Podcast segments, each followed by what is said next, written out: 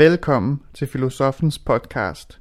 Du lytter til en sæson, der handler om mytologi og litteratur. I sidste afsnit drejede det sig overordnet om Shakespeare, og i dette bliver der zoomet ind på Hamlet, men en Hamlet de fleste af os nok ikke lige kender. Det er nemlig i en opera-version.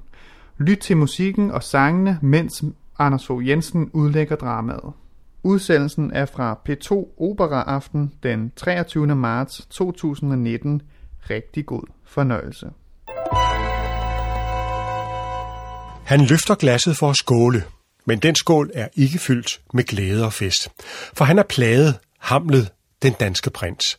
Plaget af den værst tænkelige mistanke, nemlig at hans egen mor og hans onkel har planlagt og udført mordet på hans far, den danske konge.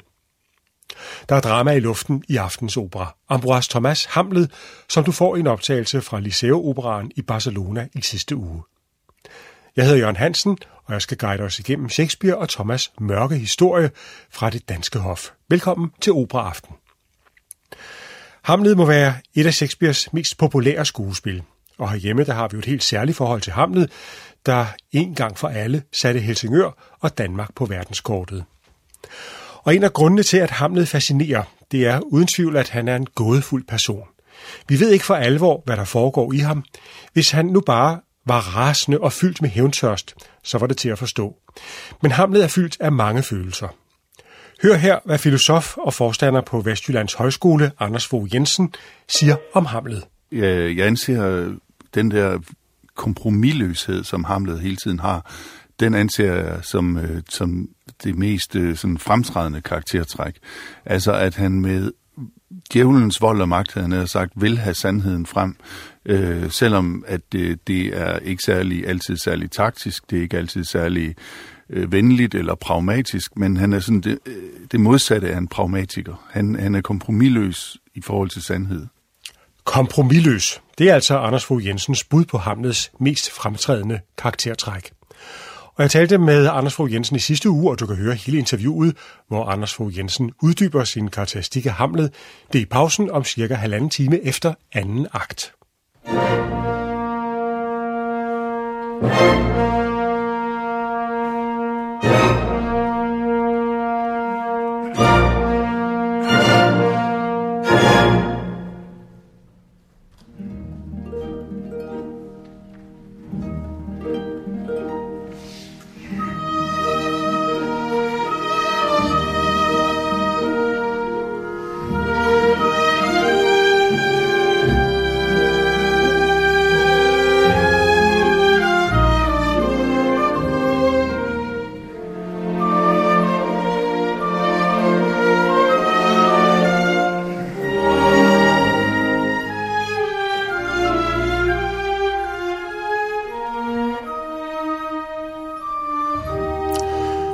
premieren i Paris i 1869 blev Hamlet en kæmpe succes.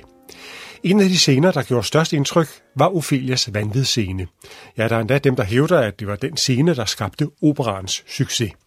Det er nu næppe hele sandheden, for for eksempel så fik baritone Jean-Baptiste Faure enorm succes i partiet som Hamlet. Men der var nu noget særligt med Ophelia og franskmændene. Og her skal vi tilbage nogle årtier før premieren på Hamlet. Et engelsk skuespillerensemble kom til Paris for at opføre Hamlet. Som Ophelia var det den pur unge Harriet Smithson, og da hun gik på scenen på Odeon Teatret, stod verden stille et øjeblik. Så indlevet var hendes optræden, så ægte, så gribende, så sørgelig, at mænd begyndte at græde, og kvinderne efterfølgende alle ville ligne Ophelia. Der opstod en veritabel Ophelia-bølge i Paris. En af følgerne efter den optræden var, at Alexandre Dumas den ældre satte sig for at nyoversætte Hamlet. Den havde gået på den franske nationalscene i en næsten 100 år gammel oversættelse, eller måske skulle man nærmere kalde det en gendækning. For i den franske version øh, var der ikke noget genfærd, ingen graverscene, ingen rosenkrans og gyldenstjerne, der var ingen duel, og Hamlet dør ikke i sidste akt. Kort sagt, det havde ikke meget med Shakespeares Hamlet at gøre. Alexandre Dumas satte sig for at yde Hamlet og Shakespeare retfærdighed. Og det skete også, ind til et vist punkt i hvert fald. Dumas tog sig også visse friheder. For eksempel indsatte han en kærlighedsscene mellem Hamlet og Ophelia. Men meget mere Shakespeare, det blev det. Det var den nyoversættelse, som Michel Carré og Jules Barbier tog udgangspunkt i, da de skulle skrive teksten til Ambroise Thomas. Men hvad kan man så kalde operaversionen af Hamlet? Hvor meget Shakespeare er den, når det kommer til stykket? Det er helt klart, at øh, skal man skrive en opera, så er kravene til teksten en anden end til et skuespil. Musik tager tid, og opera lever blandt andet af, at tiden nogle gange går i stå, og en af personerne får lov til at synge en stor arie, hvor musikken går ind i følelserne. Så går handlingen i stå, og regnestykket ender med, at der simpelthen skal være mindre tekst. Og en måde at gøre det på, det er at reducere i persongalleriet og skære sidehandlingerne bort. Således også i operaen Hamlet. Hos Shakespeare er der over 30 personer, i operaen 15. Shakespeares Hamlet spiller i fire timer, operaen i to og en halv. Der er ingen rosenkrans og gyldenstjerne, og de fleste sidehandlinger de er væk. Det koster naturligvis på nuancerne. Ambroise Thomas opera har ikke den dybde og den menneskelige indsigt, som Shakespeares skuespil har. Men til gengæld er dramaet blevet helt tydeligt. En søn finder ud af, at hans far, kongen, er blevet myrdet af kongens bror. Sønnen vil have hævn, og undervejs koster denne besættelse af hævn blandt andet hans unge forlovede livet.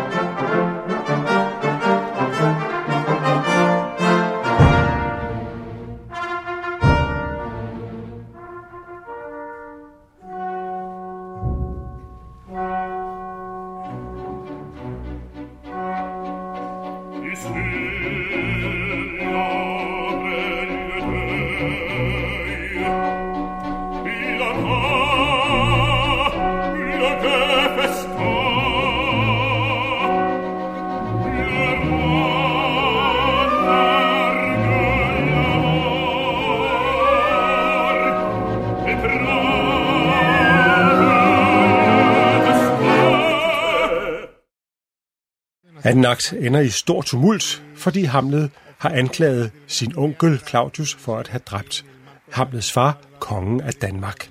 Så slutter altså anden akt af Ambroise Thomas Hamlet, som du får i aften fra Liceo Operaen i Barcelona. Med Carlos Alvarez som Hamlet, Diana Damrau som Ophelia, Eve Mot Ybo er dronning Gertrude, Nicolas Tasté er Claudius, og øh, Hamlets fars genfærd Ivo Stantjev. Nu holder vi en lille pause i operan, for du skal møde en mand, der har et nært forhold til Hamlet-figuren, nemlig filosof og øh, forstander på, Vestjysk, på Vestjyllands Højskole, Anders Fogh Jensen. Jeg læste for nylig en tale, som øh, Anders Fogh Jensen holdt på Kronborg i 2016 i anledning af 400-året for Shakespeares død. Og noget af det, som jo er spændende ved Hamlet, det er, at han er svær at afkode. Hvad er egentlig Hamlets inderste følelser? Hvad er det, der driver ham? Det har jeg spurgt Anders Fogh Jensen om. Jeg, jeg anser den der kompromilløshed, som Hamlet hele tiden har, den anser jeg som, øh, som det mest øh, sådan fremtrædende karaktertræk.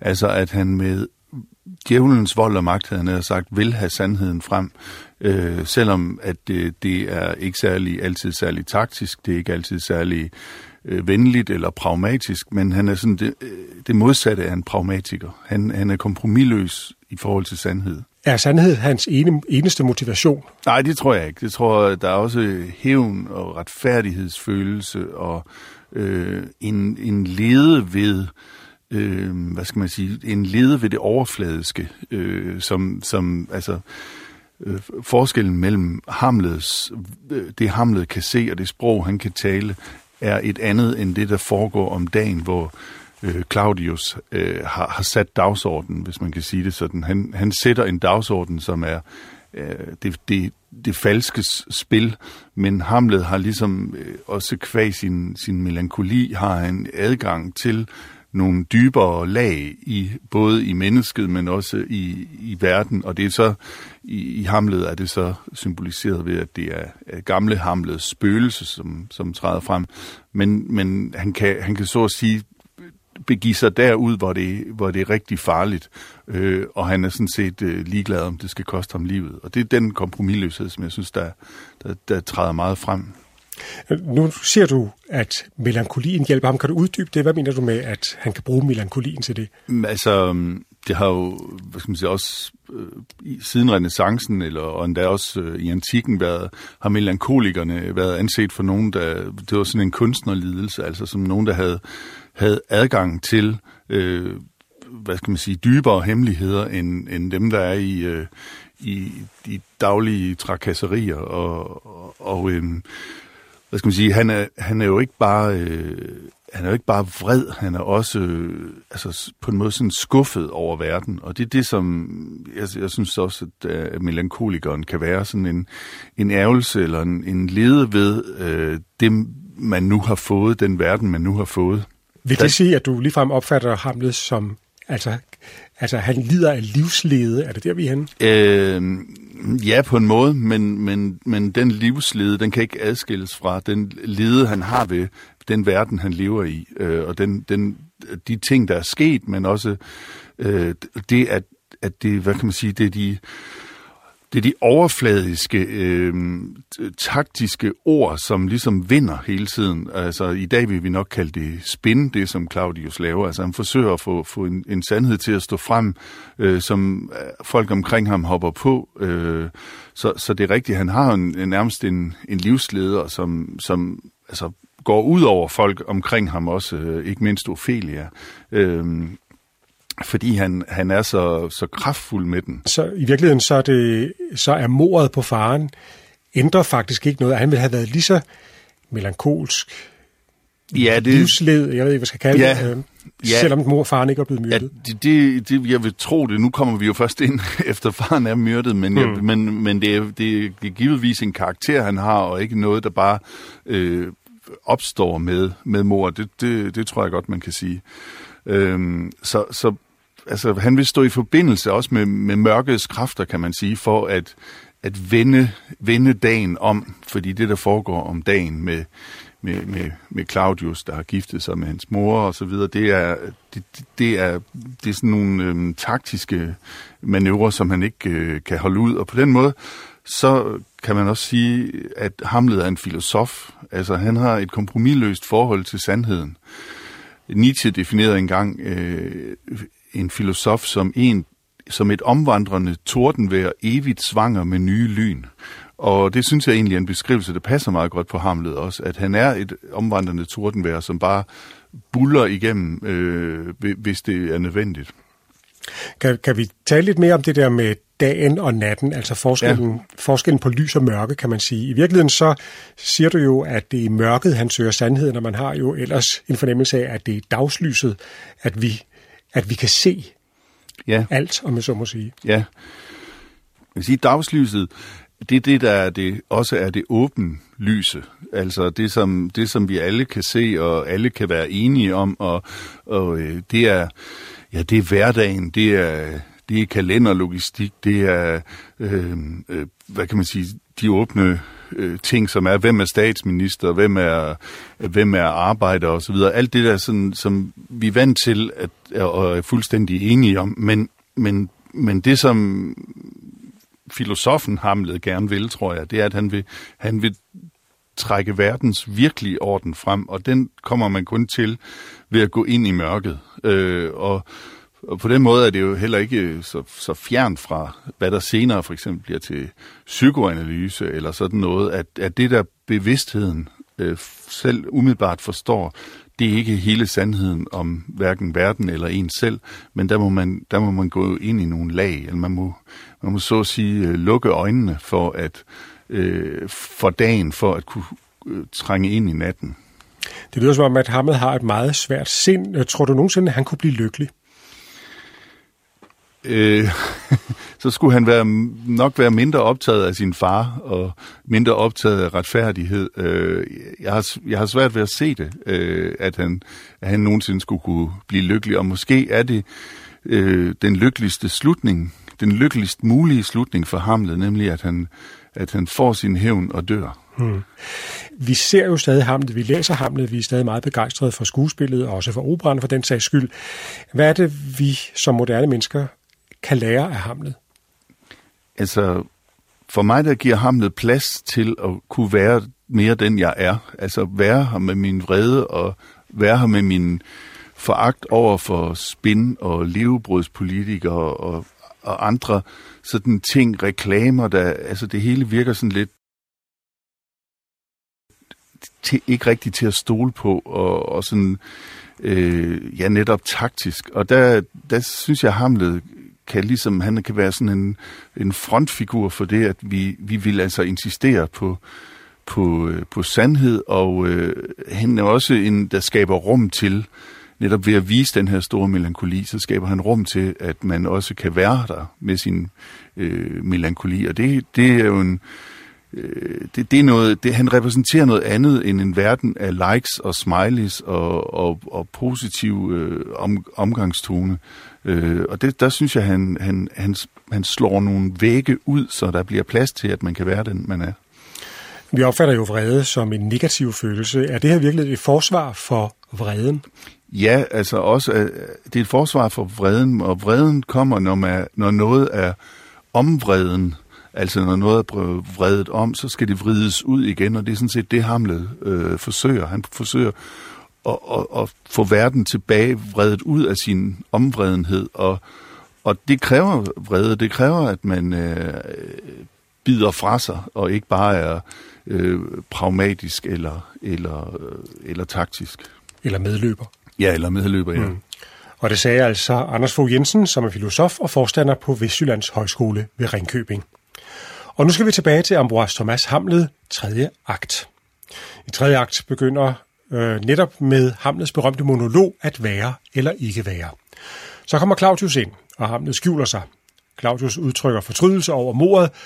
Så kommer Ophelias far, Polonius, ind, og det går op for Hamlet, at Polonius har været med til at planlægge mordet på faren. Mændene går, og dronningen kommer ind med Ophelia. Hamlet træder frem, og dronningen prøver at overtale ham til at gifte sig med Ophelia, men han afviser. Ophelia afleverer fortvivlet sin ring til Hamlet og går. Hamlet prøver nu at tvinge en tilståelse ud af sin mor, men så viser hans far sig igen og minder ham om, at Hamlet skal skåne dronningen. Her kommer tredje akt af Hamlet. Daniel Oren y vamos ya a escuchar el acto tercero y después el cuarto y quinto seguidos de Hamlet, esta gran partitura del compositor francés Ambroise Thomas.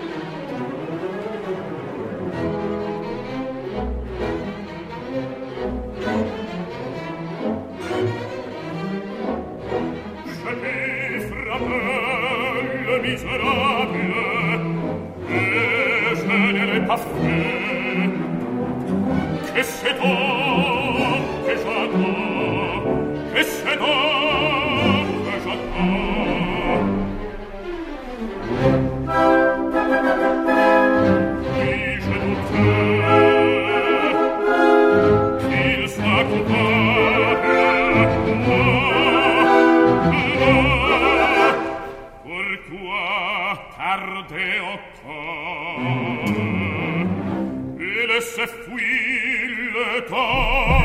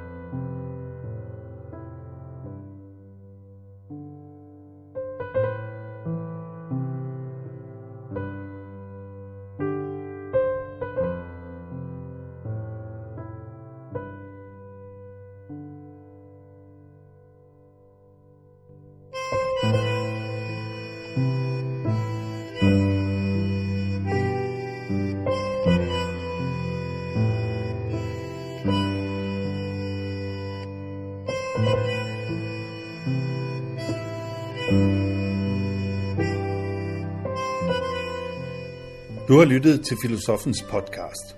Se mere på min hjemmeside filosofen.dk og tag med mig på dannelsesrejse. Se dannelsesrejser.dk. Mit navn er Anders Fogh Jensen. Tak fordi du lyttede med.